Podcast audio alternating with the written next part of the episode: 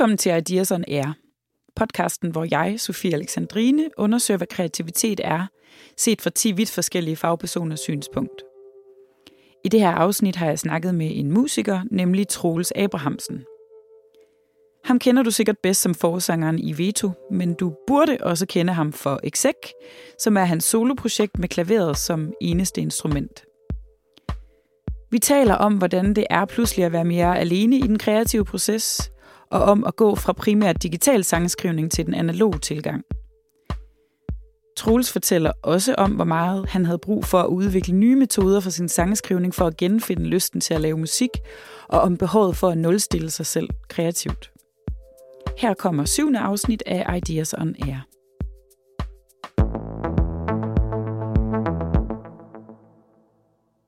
Troels, Yes. Tak fordi du vil komme. Selv tak.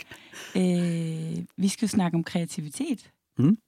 Øh, hvornår har du sidst været kreativ? Øhm, hvornår har jeg sidst været kreativ? Øhm, det var jeg nok øh, måske i går, da jeg Mm. lavede Lego med ungerne, tror jeg. Ja. Men øh, ellers sådan øh, professionelt, så var jeg det i, i lørdags, hvor jeg spillede i Belgien. Mm. Og jeg havde et, øh, et øh, piano, som krævede lidt kreativitet for Ja. at komme til at fungere ordentligt. Men jeg vil med, at du kommer med, med så forskellige eksempler, fordi det er netop det, jeg sådan set gerne vil have dig til. Fordi mm. Det er jo generelt med de her snakke, jeg har med forskellige øh, fagpersoner og kunstnere, så er det jo super individuelt og personligt, hvornår man synes, man er kreativ, og hvad Ja. er kreativitet overhovedet.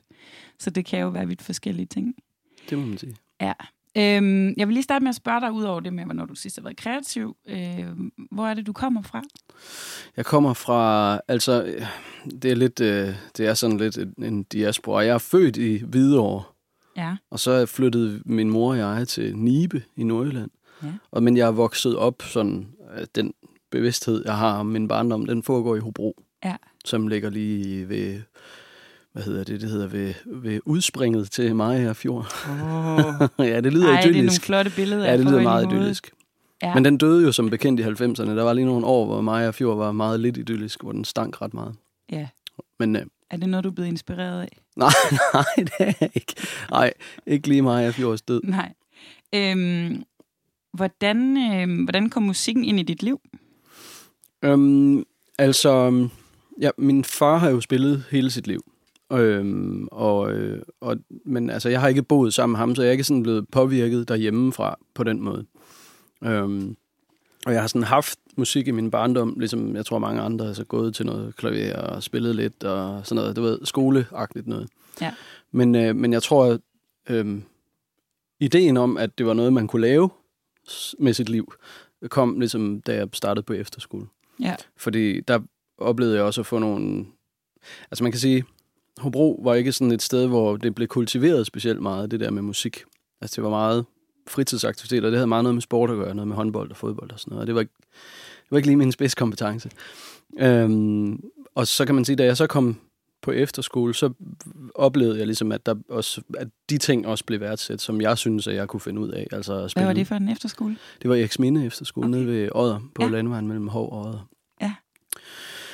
Ja. Og så, øh, jamen, så kom jeg med i et øh, Black Sabbath øh, jam band øh, dernede. og det var ligesom om, det var sådan, øh, det var ikke fordi jeg er specielt velbevandret i Black Sabbath, men øh, jeg kunne ligesom ramme de der high notes, som der skulle til. Så du sang? Og, øh, og det fungerede meget godt. Og så, og så fik jeg ligesom nogle succesoplevelser med det.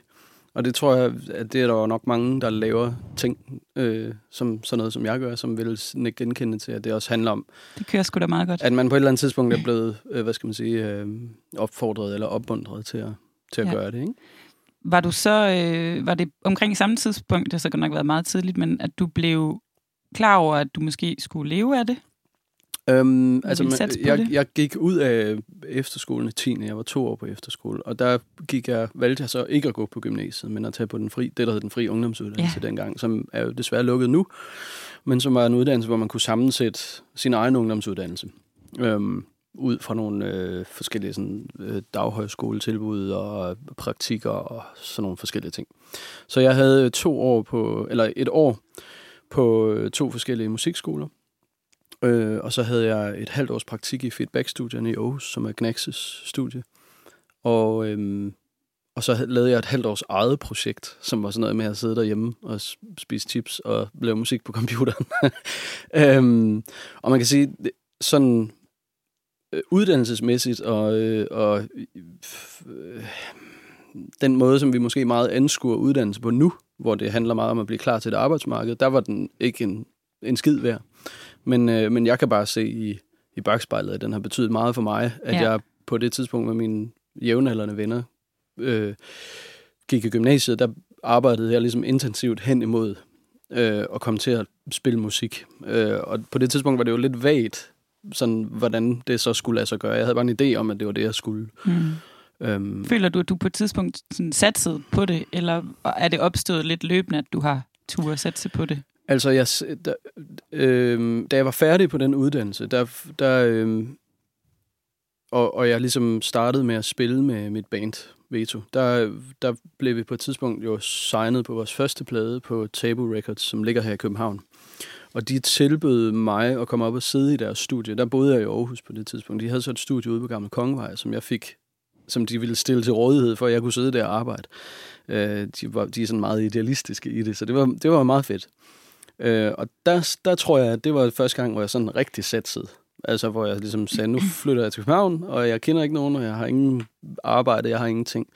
Øhm, og så tog jeg og min øh, derværende kæreste, nuværende kone, derover, og så levede vi af røv og nøgler et halvt års tid, før der begyndte at komme lidt rul i, i veto også, og så videre. Kan du det, huske, var, det var sådan meget sats, synes jeg. Kan du huske, hvad, du, hvad I tænkte dengang? Altså, nu siger du, I levede af røv, røv og nøgler. Øh, hvad, øh, altså, var det sådan hver anden dag, man gik i panik, eller var det... Mm, hvis, I, hvis I gik i panik? Mm, jamen, altså...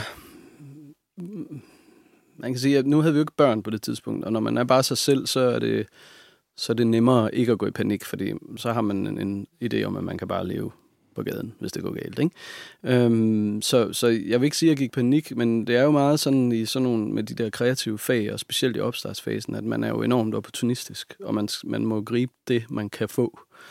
Øhm, og det, jeg synes, det var en stor mulighed for at få lov til at sidde i et ordentligt studie og få lov til at arbejde med nogle folk. Det må man sige. Og producere nogle plader og ja. altså få noget for hånden. Ikke? øh, og få etableret øh, et, et navn eller et, et virke på en eller anden måde. Ja. Øhm, så, så det var sådan, det var ret meget no-brainer for mig i hvert fald. Jeg, jeg, vi, du var nødt til at tage den chance. Vi der, gjorde ja. det bare. Ja. Og det første, de første 3-4 måneder, der pendlede jeg til København, så der var jeg bare derovre, tog jeg derover, og så boede jeg hos min søster, øh, som boede på Islands Brygge på det tidspunkt. Øhm, og så, det var jo også sådan et underligt rakkerliv, ikke? hvor jeg egentlig boede i Aarhus, men jeg var i København det meste af tiden. Ikke? Ja. Øhm, og så lige så stille kom der form på det. Og, ja. altså, så jamen, det, det er jo tit med sådan noget, det er jo bare noget, man falder ind i på en eller anden måde, så, så ender man der. Ikke? Ja. Så. Men jeg tænker også, nu en af grundene til at spørge om din baggrund, når du fortæller om din far, jeg tænker også, at der måske kan ligge noget i, at at øh, du har set din far, Peter Abrahamsen, mm. øh, få en karriere ud af sin kreativitet og sin musikalitet? Altså, der er jo helt sikkert, jeg har helt sikkert fra starten af været bevidst om, at altså, jeg har ikke haft nogen idé, nogen luftkasteller om, at det var øh, det ville være en dansk brose, og jeg skulle være kæmpestor. Og for eksempel det at få en pladekontrakt for mig har aldrig været en sådan en, nå okay, så fik man en pladekontrakt. Om det er der mange, der ligesom omtaler. Det er det værste, jeg ved, det er, når man har sådan nogle musikkonkurrencer, hvor folk kan vinde en pladekontrakt. Altså det er lidt ligesom at vinde en brugt bil. Du kan ligesom ikke vide, hvad, du får ikke se den først. Vel? Det, er ligesom, det kan være hvad som helst. Ikke? Øhm, og og der, der, der har jeg måske haft en, en bedre forudsætning for at være lidt mere forberedt på, hvad det kræver for det første, og hvad det betyder at leve mm. af musik. At det ikke er noget, man nødvendigvis bliver rig af, men at, øh, at det til gengæld er noget, man kan blive glad af. Ikke?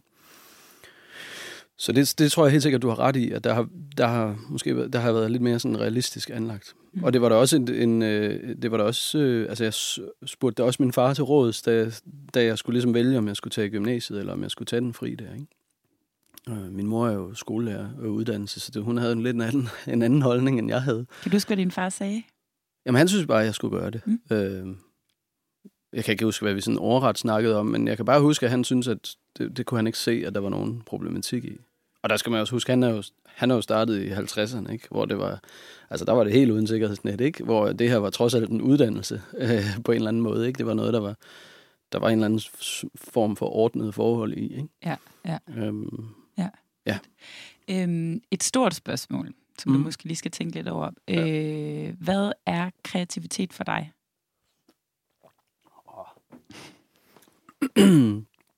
Jamen altså, øh, jeg, jeg tror, jeg synes, at sådan i, i grundlæggende, så er kreativitet problemløsning. Det handler jo om at have en udfordring, eller en idé, eller øh, et eller andet, man gerne vil opnå, som man så bruger øh, de midler, man nu har til rådighed til at løse. Det kan man sige, det er sådan det konceptuelle begreb, ikke? Øhm, og sådan praktisk, så er det jo... Øh, så er det jo også problemløsning. Det handler jo om at få, få livet til at gå fremad på en eller anden måde. Øhm, og ligesom gå ind i den næste dag med mm. krum hals og løse de udfordringer, man, man står overfor. Ikke? Kan, kan du beskrive øh, et tidspunkt, hvor du føler dig virkelig kreativ? Altså et historisk tidspunkt, eller et, øh, et øh, sådan et, nogen, en, en situation, eller hvad? Nok en situation, ja. hvor jeg føler mig virkelig kreativ. Mm, altså, jeg synes jo, når jeg, når jeg er i, studiet, synes jeg jo, at jeg er rimelig kreativ. Øh, fordi det er jo der, man dels... Altså, det der jo er lidt mærkeligt med at lave musik, og ligesom at være udgivende, og, og, og ligesom have sin egen kunstneriske virke, det er jo, at de problemer, man løser, er jo nogen, man selv skaber. Man sætter sig jo for at lave et eller andet, som så kan være mere eller mindre udfordrende for en selv. Ja. Øhm, og det er jo lidt underligt. Altså, det er jo ikke, der kommer jo ikke nogen andre at præsentere en problemstilling for mig, som, de så, som jeg så skal løse. Jeg har så vel? et problem, vi skal have skrevet en sang. Ja, Det præcis. Altså, det kan man jo også godt komme ud for. Man kan jo godt lave commissioned work, hvor man ligesom arbejder med nogle ting, for eksempel film, eller hvad det nu er, hvor, hvor, der, hvor der ligesom ligger nogle fastlåste rammer. Men, men i forhold til det der med at skabe et, en kunstnerisk, et kunstnerisk produkt, som er ens eget, så, så er det jo meget noget med at definere på nogle måske nogle benspænd, men også øh, et koncept for, hvad er det, for mig er det i hvert fald, hvad er det, jeg gerne vil lave, hvad er det, jeg gerne vil udtrykke, og hvad er det for en form, det skal have. Og så kan man så gå i gang med at finde ud af, hvordan fanden skal man så løse det, ikke? Ja. Øhm, Men når du siger, du, du, altså, du føler, at du er kreativ, når du, når du er i studiet, Mm. øhm, hvis du tænker over det, hvad, hvad er det så, der sker, når du er meget kreativ? Jeg, jeg synes, det er virkelig svært at sige, fordi jeg, jeg, jeg har sådan en fornemmelse af, at øh, jeg har altid hadet det der med, at man sidder og venter på inspiration. Altså det, det synes jeg er noget bullshit, når folk sidder der med, med deres akustiske guitar og venter på inspiration. Men det, man godt kan vente på, er jo, at kreativiteten ligesom indfinder sig. Øhm, og med fare for at misquote øh, nogen, så mener jeg, at det er Brian Eno, der har sagt, at creativity has to find you working. Mm. Altså, at man, er, man bliver nødt til at bare klø på og sætte sig ned og arbejde.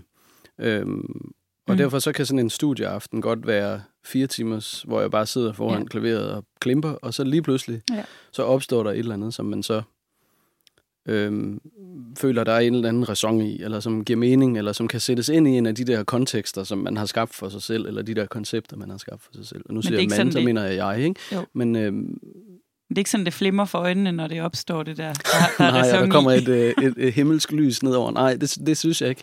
Men, øh, men det er sådan meget et puslespil, og jeg har hørt mange, når jeg har arbejdet med andre bands og andre kunstnere, de taler meget om det der pus, den der puslespils øh, analogi, ikke? at det er sådan noget, der går op.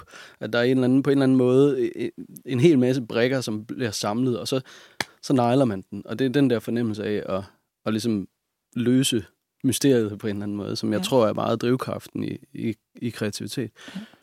Og kreativitet i alle fag. Altså, jeg arbejder jo også med programmering, øh, og har gjort det sideløbende med alt det her. Det er jo også i høj grad et fag, hvor man... Altså, det er jo problemløsning af den helt store art, ikke? Hvor man skal hele tiden løse nogle øh, meget konkrete problemer på en kreativ måde. Mm-hmm. Øhm, inden for, for de der sådan, øh, øh, rammer, der nu er, de tekniske rammer, ikke?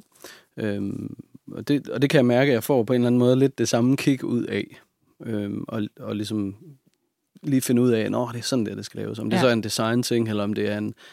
Altså, det, jeg har beskæftiget mig meget med, med sådan webprogrammering, så det er meget noget med, hvordan fremstiller man øh, data, så det er let læseligt for folk. Ja. Men også øh, jamen, opsætninger, tekniske opsætninger og sådan noget. Men der ligger jo også, jeg tænker også, det du beskriver, lyder for mig som det, det forløsende i, at der var den, eller Ja. Nu, nu har jeg arbejdet det, så længe med efter. det, at, at nu er den der. Det kan jeg mærke. Ja. Det er også... Øh, jeg, jeg kan lige tjekke op på, om det var Brian Eno, der har sagt det der med creativity has to find you working, eller find you working. Ja. Jeg kan også huske, at øh, Haruki Murakami, tror nok, han hedder Haru, Ja. Haruki ja. han, øh, han, han, øh, han har den samme tilgang til, Mm. at han er, han er også sådan, jeg, jeg, jeg, jeg skriver ikke, når jeg føler mig inspireret. Jeg står op klokken 4, og så går jeg i gang med at skrive. Mm. Altså, ja. det er virkelig... Og så har han en anden mega god pointe, som jeg i hvert fald tog med fra den der, øh, hvad hedder det, hvad jeg taler om, når jeg taler om at løbe, som er, at øh, når du føler, at du kan blive ved i to timer mere, så skal du stoppe. Det var sådan det Ja. største takeaway for den bog for mig i hvert Ja. fald, fordi at man kan godt komme til at køre sig selv fuldstændig ned. Øhm, og det tror jeg, der er mange, der gør, og det er tit sådan, at man også dræber kreativiteten, hvis man ligesom... Øhm, altså det er jo sådan en gammel floskel, men man skal bare stoppe, mens lejen er god, og når du ligesom føler nu, man skal stoppe på en high note på en eller anden måde, ikke? Så når du føler, du har løst et problem, så får du et kick, som siger, Nå, men så kan jeg jo også arbejde videre med det andet herover eller den der ting, jeg har liggende. Men, men man skal bare huske, at man jo også øh, lynhurtigt løber tør for krudt, og at det er en hård koncentrationsproces at være i. Øhm, det, var, det var bare lige, da du lige Det er mega ham, fedt, så du giver mig det, det guldkorn, fordi på jeg ham. gik kold i den, præcis den bog der, så jeg ikke Ja. ja. fået læst den færdig. Nu, nu har du givet mig Ja. hele... Jeg kan sgu heller ikke huske, om jeg fik den læst færdig. Men øh, Det var den første bog af Murakami, jeg gik i gang med. Jeg skulle måske være startet et andet sted, for den er jo sådan lidt meta-agtig. Men, øh, ja, man skal nok kende hans... Jeg kender heller ikke hans øvrige forfatterskab. Men, Nej. Øh, Øhm, men lidt, øh, lidt hen til, hvad du beskæftiger dig med øh, musikalsk med, især lige for tiden. Øhm, de fleste lyttere, de, de vil jo nok kende dig fra Veto, som du selv har nævnt, og du har en masse andre aliaser, som du har lavet alle mulige projekter under. Mm. Øhm, hvad laver du lige nu, primært musikalsk?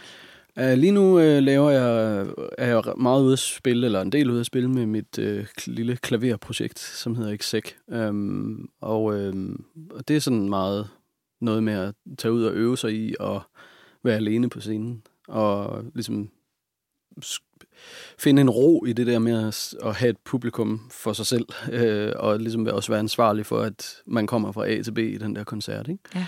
Øh, det er meget anderledes end at spille med band, og jeg har jo aldrig spillet solo før, så det er sådan en helt anden oplevelse, det der med, at der ikke er nogen andre på scenen, man kan læne sig op af, og Nej. Nogen, man lige kan, hvis man glemmer noget, så kan de lige soufflere for en, ikke? Altså, det, øhm, det, det, det, det, det er sådan den største øvelse ved det projekt, jeg Ja. har lige nu. Og det, øhm, det går stille og roligt fremad, synes Ja. jeg. Kan du beskrive, øh, altså hvordan vil du beskrive Exec, udover at det er et, et, et soloprojekt, og det er primært med... Altså i forhold til musikken, eller Ja. hvad? Åh, oh, shit. Uh, jeg vil, tror, jeg vil beskrive det som uh, altså øh, viser og sange, som uh, beskæftiger sig med eksistentielle temaer. Ja. Uh, det var sådan den helt Ja. kedelige.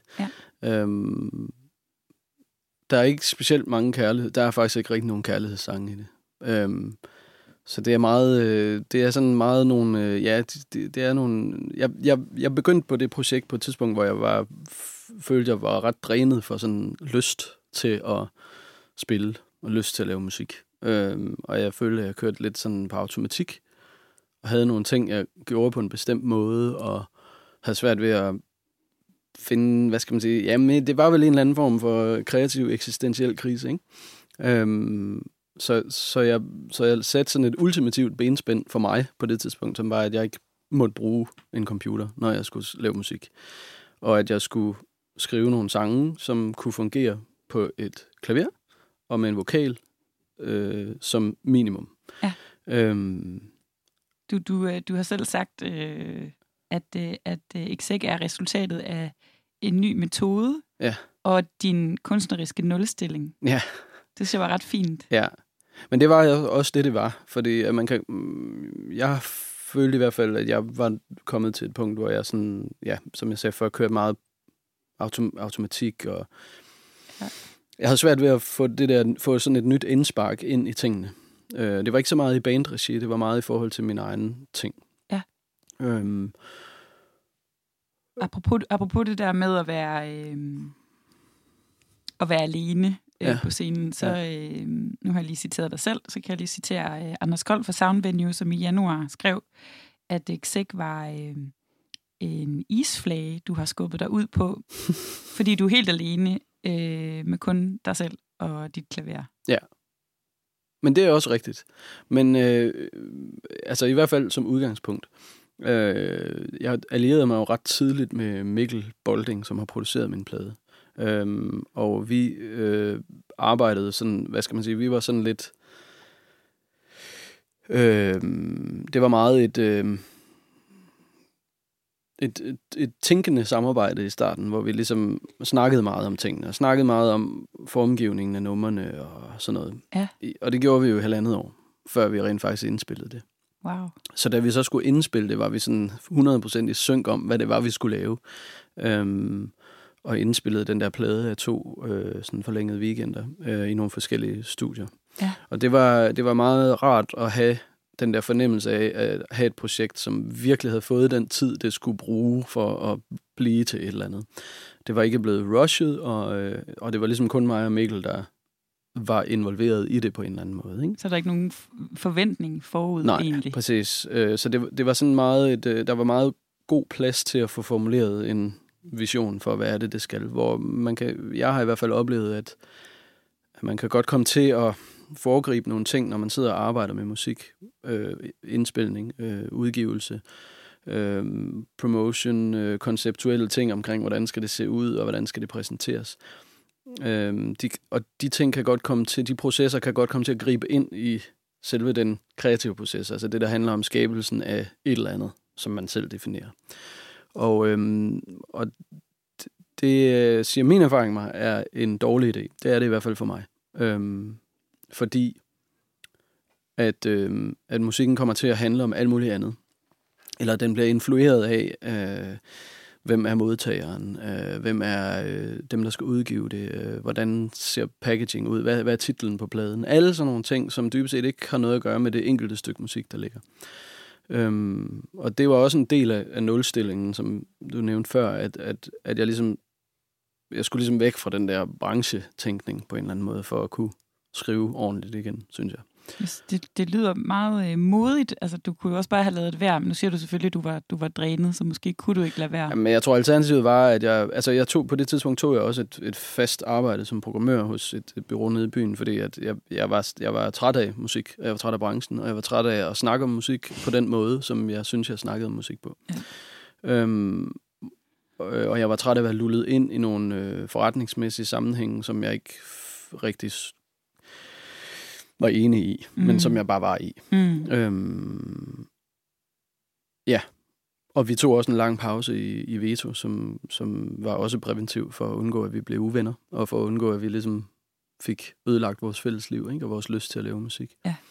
Øhm, så det var sådan en god, gennemgribende, grundig, øh, eksistentiel krise lyder midt som- i, ja. i forhold til musik. Ikke? Det lyder, lidt- lyder lidt som det der, hvor man skubber alle møblerne ud af huset, og så øh, gør man rent, og så tager man Ja, et møbel ind igen. Ja. ja og det er Jo, så jo, og klaveret. det er jo sådan en, øh, altså det er jo måske, det, det, det, det lyder jo meget, når jeg læser de der pressemeddelelser Mm. og alt det der, så tænker jeg sådan, oh, det er også en, bare en god, det er også en god historie, ikke? Altså det der med, du ved, han har varet, og han er modig, ja. og alt det der pis, man kan sige. Ja. Men, jeg, men, men det var, jeg, jeg følte, det var en nødvendighed. Mm. Øh, hvis, jeg skulle, hvis jeg skulle fortsætte med at være glad for at lave musik, så var det nødvendigt, at jeg ligesom tog et good, long, hard look at myself på Ja, en eller anden måde, ja. ikke? og fandt ud af, hvad fanden skal du med det? Udover at leve af det. Kan du huske, nu fortalte du, at, øh, at var det Mikkel, han hed? Mikkel Bolding. Og I brugte halvandet år cirka. Kan du, kan du huske, hvordan I fandt ind til, til lyden af Exec? Eller. Ja, altså vi, vi snakkede jo meget om det der med, at, øh, at vi gerne ville indspille alt materialet. Vi var øh, fire, fire, fem forskellige studier af meget varierende øh, type.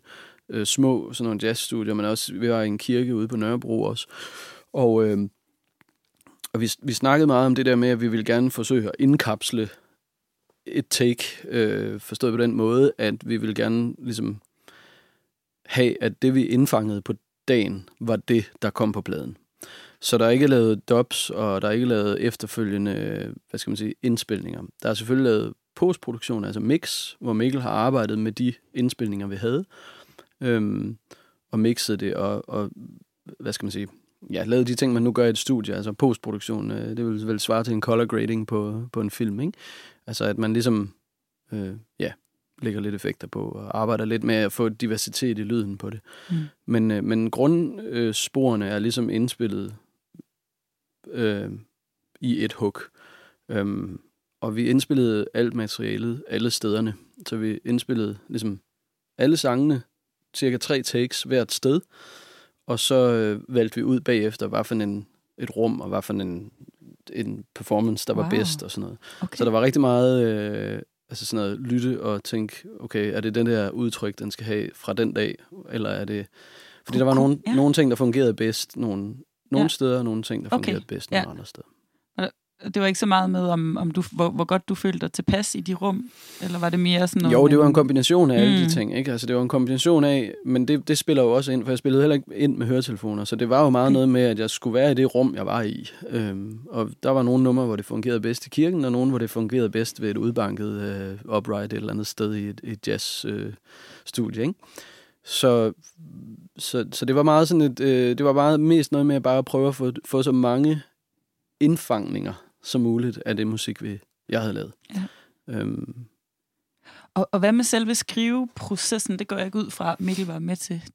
Jo, det var han faktisk. Okay. Øh, og han var med til sådan at, som han siger, ligesom øh, sige nogle af de der uvaner fra.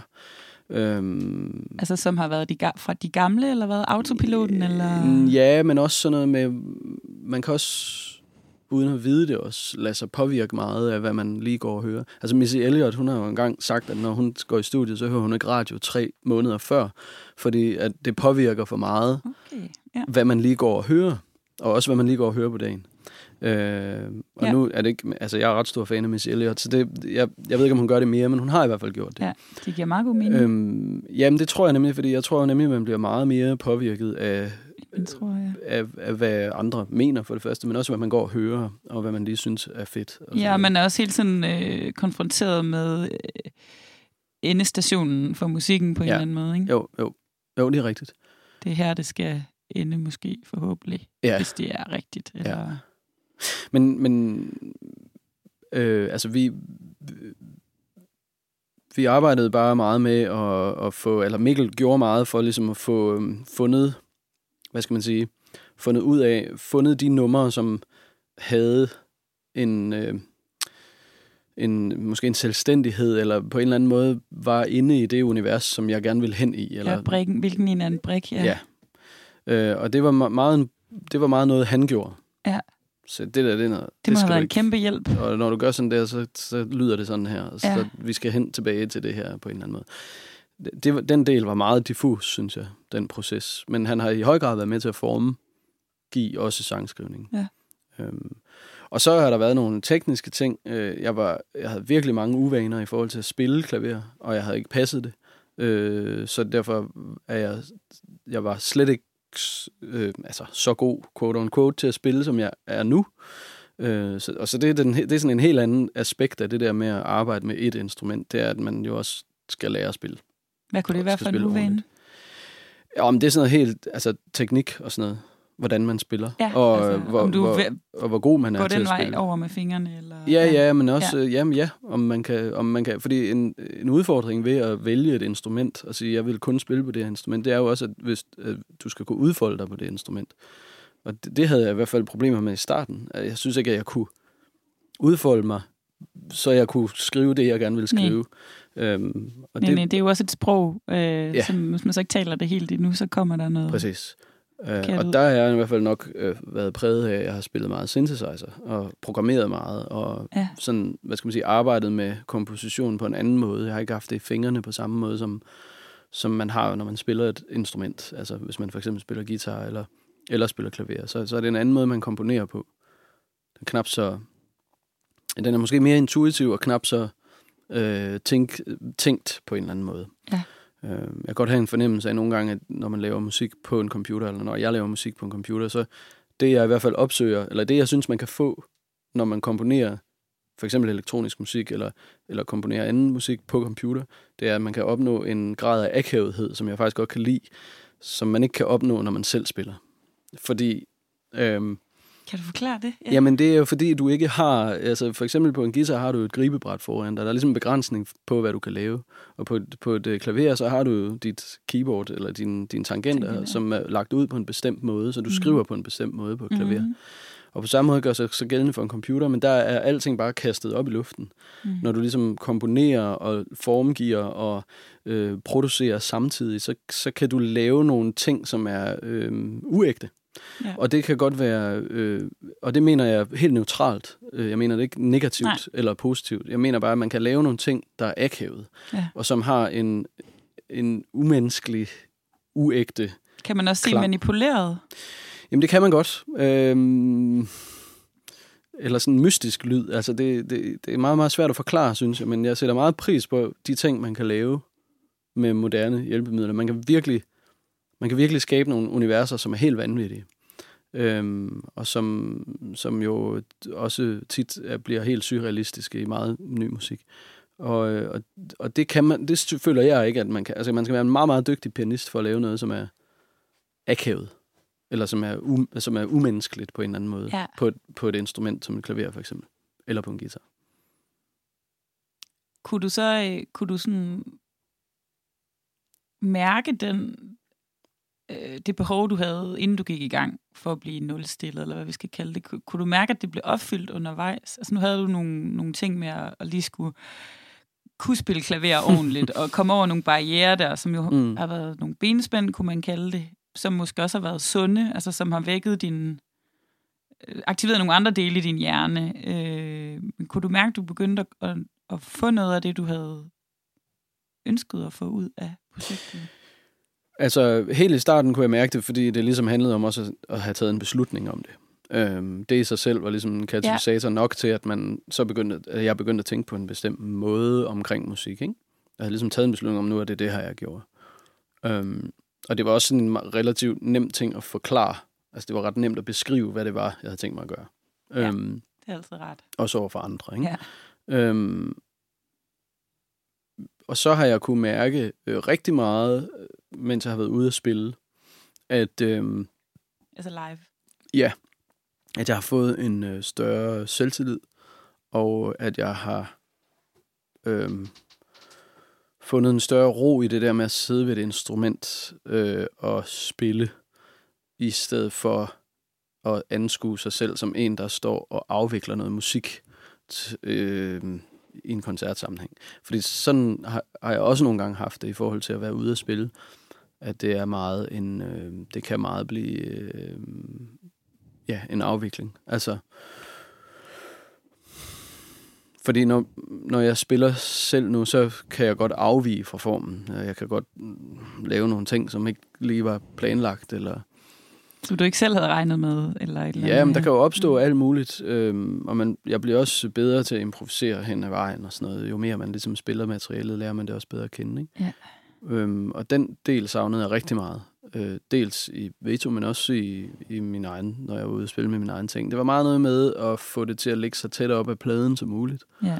Øhm, og, og, og meget stringent, øh, meget, det var en fornemmelse af, når man, når man komponerer på en computer, eller spiller med en, det, der hedder en sequencer, hvor man ligesom indspiller, så har man jo meget sådan nogle blokke, mm. man sidder og flytter rundt på. Mm. Så musik kan også blive meget visuelt, pludseligt. Øh, Det bliver meget også et puslespil, så ja. Ja, og, og, den, ja, og når du har noget visuelt foran dig, så får du også lyst til, at det skal gå op, ikke? og så bliver du lige pludselig meget ma- matematisk, og så bliver, det, så bliver det faktisk måske indsnævret ret meget, den måde, du anskuer musik på, i stedet for... Øh, og der skulle live-situationen jo så være opløsningen af den visuelle form, fordi der skal du jo fremføre det, så der har du det ikke foran dig. Du kan ikke se det, du kan, ikke, du kan kun høre det, og der skal, det, der skal du have fornemmelsen af at nå fra et punkt til et andet med dine ører. Men når man så forsøger at skabe en live-situation, der ligesom er ligesom på en plade, så havde jeg i hvert fald nogle gange en fornemmelse af, at jeg visualiserede musikken for mig, Ja. når jeg stod på scenen. ja, det kender jeg godt. At ja. øh, nu var jeg nået hertil i timelinen, og så kommer der de der fire blokke, som udgjorde omkvædet, og så, og så videre. Mm. Og, øh, og det føler jeg mig meget fjernet fra lige mm. nu, når jeg spiller Ja. ja. musik. Det er meget lidt visuelt, og meget, meget mere intuitivt, og Ja. meget mere noget med at være til stede i det, man står og spiller. kan du også øh, tænke det der med at, at pludselig skulle sidde ved et instrument? Er det... Øh, altså ligger der også et, det lyder sådan, jeg ved ikke, hvad jeg ellers skal sige, men det der med at blive mere et med, altså du bliver i et med instrumentet. Ja, altså det lyder jo meget stort, ikke? Men det, men det er jo lidt det, man gør, når man spiller. Så skal man jo helst gå ind i det.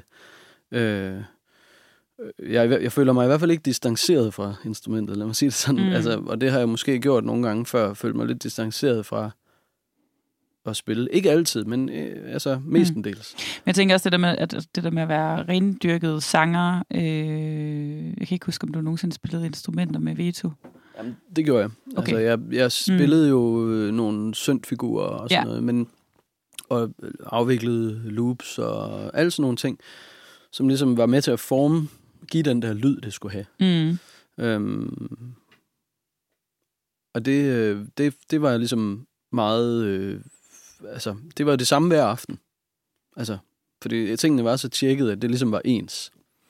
Øh, og når jeg spiller nu, så har jeg jo ikke mit eget klaver med, så jeg kan jo komme ud til altså et eller andet øh, fuldstændig hervet øh, upright den ene dag, og så det næste dag, så er det sådan et fantastisk flyl, som, øh, som er blevet passet og plejet. Altså, så, Ej, ja, okay, så, så tingene varierer meget også fra koncert til koncert.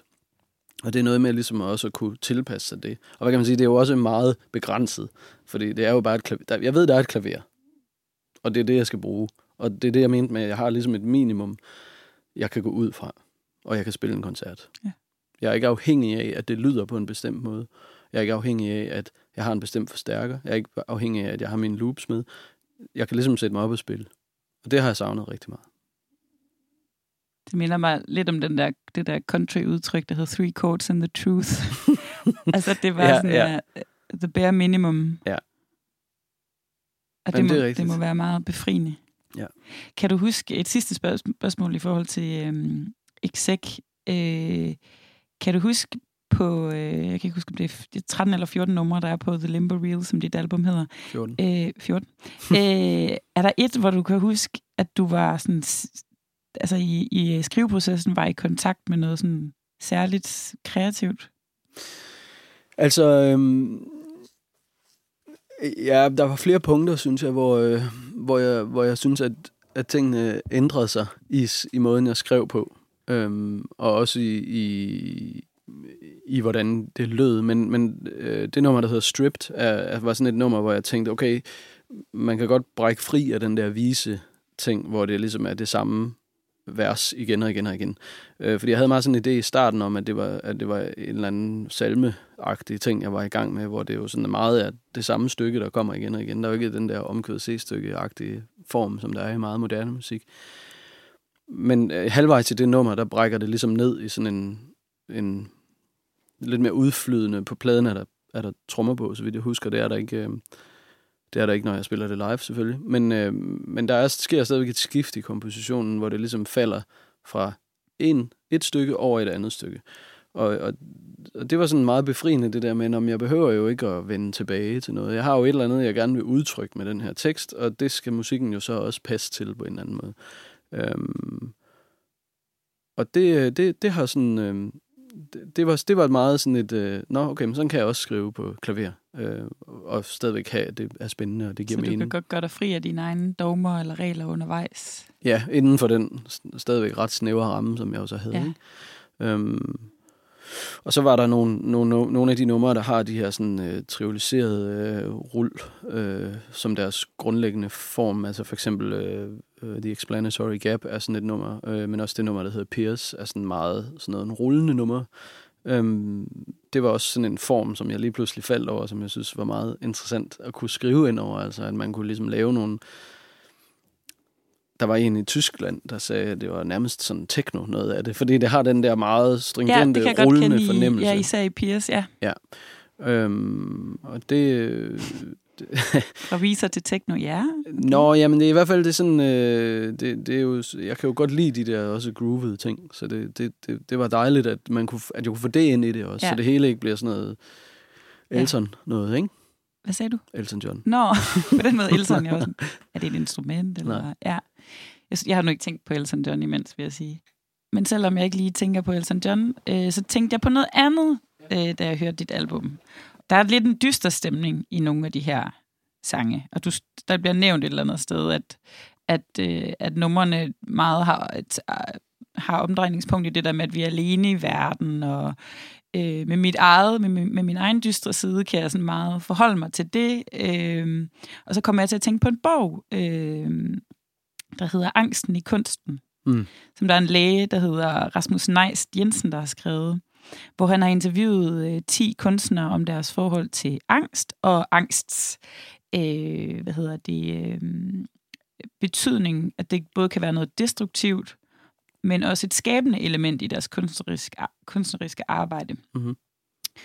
Øhm, og nu er det ikke, fordi jeg indikerer, at du har angst eller noget, men der er et eller andet i det der dystre, der sådan, jo på en eller anden måde hænger sammen med noget med, jeg ved ikke, om vi skal kalde det frygt. Men der har forfatteren i Michael sagt noget, som jeg synes er ret interessant. Øh, han skriver, eller han fortæller i den her bog, at han opgav at tage lykkepiller mod angst og depression i erkendelse af, at øh, hvis han fjernede spidserne eller yderpunkterne af sit humør, mm. så kom han aldrig derud, hvor han hentede noget til hans skriveproces. Mm. Og så har han så sagt, at hvis, hvis jeg skal sige farvel til yderpunkterne for at få det bedre, så vil jeg hellere leve udspændt mellem ekstremerne bund og top. ja, det er sådan en klassisk kirkegård-ting, ikke? Ja. Men øh, det, det er jeg helt enig i, og det, jeg, altså nu har jeg aldrig selv været på lykkepiller, men jeg kender efterhånden en del, der har været det, og det er jo faktisk det, de beskriver alle sammen. Det er, at de, de bliver ligesom... Øh, de kører ligesom sådan en flatline igennem deres liv, og det, øh, jeg tror ikke, at det er det, man er beregnet til som menneske. Øh, og jeg tror, at det er en, jeg tror, jeg håber og tror, at vi vil se tilbage på den måde, vi medicinerer på lige nu, som en, en forkert måde at anskue øh, tilstedeværelsen af angst og yderpunkter i menneskets liv. Øh, det er, vi forsøger at fjerne dem, i stedet for at anvende dem. Og jeg tror i høj grad, at der, der er brug for, at man anvender dem. Fordi man, man kan jo ikke... Øh, altså sådan har jeg det i hvert fald selv. Altså, jeg synes ikke, at min plade er specielt angstfyldt. Øh, og jeg, jeg synes... Jeg kan godt høre, at den er dyster øh, på nogle punkter. Men jeg tror, at det er, og i hvert fald for mig personligt, så er det betydeligt mere givetigt at takle de der sider af en selv head-on. Og øh, det er ikke noget, man gør på en dag, det er noget, man gør over lang tid og i løbet af hele sit liv. Øhm, og jeg tror, at det er fejlagtigt at tro, at man kan opnå en eller anden form for ekvilibrium af lykke, hvor man ligesom fortsætter på det plan hele sit liv. Og jeg tror, at vi gør vores børn en, en kæmpe stor bjørnetjeneste ved at fortælle dem det. Og ved ligesom at... Bjørnetjeneste øh, i ordets oprindelige forstand. I ordets oprindelige ja. forstand, ja. Editors note. Øh, altså, at vi øh, forgøjler dem eksistensen ved at lade dem leve i en verden, hvor det at være angst, det at være ked af det, det at være Deprimeret, sorg ja. osv., det er en sygdomstilstand jeg synes, det er sindssygt interessant, det der du siger med at, at, at bruge det i stedet for, at det faktisk kan blive til medicinen i sig selv. Og give, give de følelser en, en opgave, som kunne være at skrive sange, eller skrive digte, eller male, ja. eller... Øh... Altså nu, nu for bare lige at hive den ned på øh, et, øh, et, et, et lidt andet niveau, så øh, har jeg jo med mine børn været inde og se den der film, som hed Inderst Inden, som er en helt fantastisk film, som faktisk fortæller børn rigtig meget om den her øh, hvad skal man sige, balance imellem de forskellige poler, man har, øh, at den er nødvendig. Øh, hvad skal man sige, grundlæggende er historien jo, at, at der er en kamp imellem glæden og sorgen inde i den her pige, og, og hun kommer så også til den erkendelse, at det jo ligesom også er en vigtig del af livet at kunne udtrykke den sorg, man har, og den fremmedgørelse, man har over for sit eget liv. Øh, Ja. Jeg, jeg vil bare, ja, det var bare lige en, øh, fordi man, tit er der mange, der taler om disneyficering og det her, sådan, men det er jo rent faktisk Disney, der har produceret den film. Den der. er en genistreg. Jamen, det er en meget, meget god film. Øhm, ja. Og det har i hvert fald det har i hvert fald været nemmere at tale med mine børn om sådan nogle ting der efterfølgende, fordi der, der er nogle meget konkrete billeder på tingene inde i, ja. i den der film. Ja. Øhm, ja. Øhm, Jørgen Let, han siger også øh, i den her bog, Angsten i kunsten, al kunst er en dans på kanten af en afgrund. Øh, det skal være farligt, før det er godt. Mm. For mig er det totalt uinteressant at læse litteratur eller se film som jeg ikke øh, synes sætter sig selv på spil. Det har en enorm respekt. Jeg har en enorm respekt for dem, som sætter deres liv på spil. Og jeg synes, det er et uomgængeligt krav til kunsten, at den skal gøre det. Ja, det lyder jo meget, øh, meget, meget dystert. Og sådan, jeg kan også blive ret træt af den der med sådan, den lidende kunstner, og man er kun... Øh, Helt sikkert. Eller the tortured artist, og man er kun en rigtig kunstner, hvis man har det forfærdeligt. Men jeg synes bare, det er rigtig interessant, at især, øh, jeg kan især forholde mig til teksten i, i, i det nummer, der hedder Full of, uh, Head Full of Nuts, eller bare Full of Nuts, den hedder ikke? bare Full of Nuts, ja. som også er mit yndlingsnummer øh, på pladen. Og det mest Elton John-agtige på pladen. Altså. Synes du det? Jamen, det er sådan lidt sådan noget meget stor, storladent. Øh, Det kan være, det er derfor, jeg kan huske, vi havde en, en lang diskussion om, om det var over the top, eller om det fungerede. Og så endte vi med at finde ud af, at det fungerede. Men det er måske også noget af det, der er fedt, at det ligger lidt imellem. Ikke? Ja, jo. Men øh, den, der har du, for mig, det jeg hører, er, at, at det der med, at man har den der diskussion om, at man godt bare kunne tænke sig et, et andet hoved, eller et andet sind, øh, man kunne bytte det med nogle andre, eller bare have noget andet end alle de der Mm. tanker inde i det. Øh, Ja. Er det det, det handler om? Ja, det handler jo om, altså... Øh, at det ville være betydeligt nemmere at leve, hvis man ikke blev konfronteret med alt det der, alle de der modsætningsforhold, der er i et liv hele tiden. Øhm, ja, og det er også konklusionen på sangen, at det ville være nemmere. Der er ikke sådan en... Øh, I would rather have no head instead. ja, Ja, Altså, der er ikke en... Øh, øh, I lige den sang øh, øh, finder jeg ikke nogen øh, forening med, med det faktum, at man har et hoved og nogle tanker. øh, det kan jeg godt lide. Men det, men det behøves man jo heller ikke at gøre hver gang. Nej. Øhm, men, men det er, altså, ja, jeg ved sgu ikke.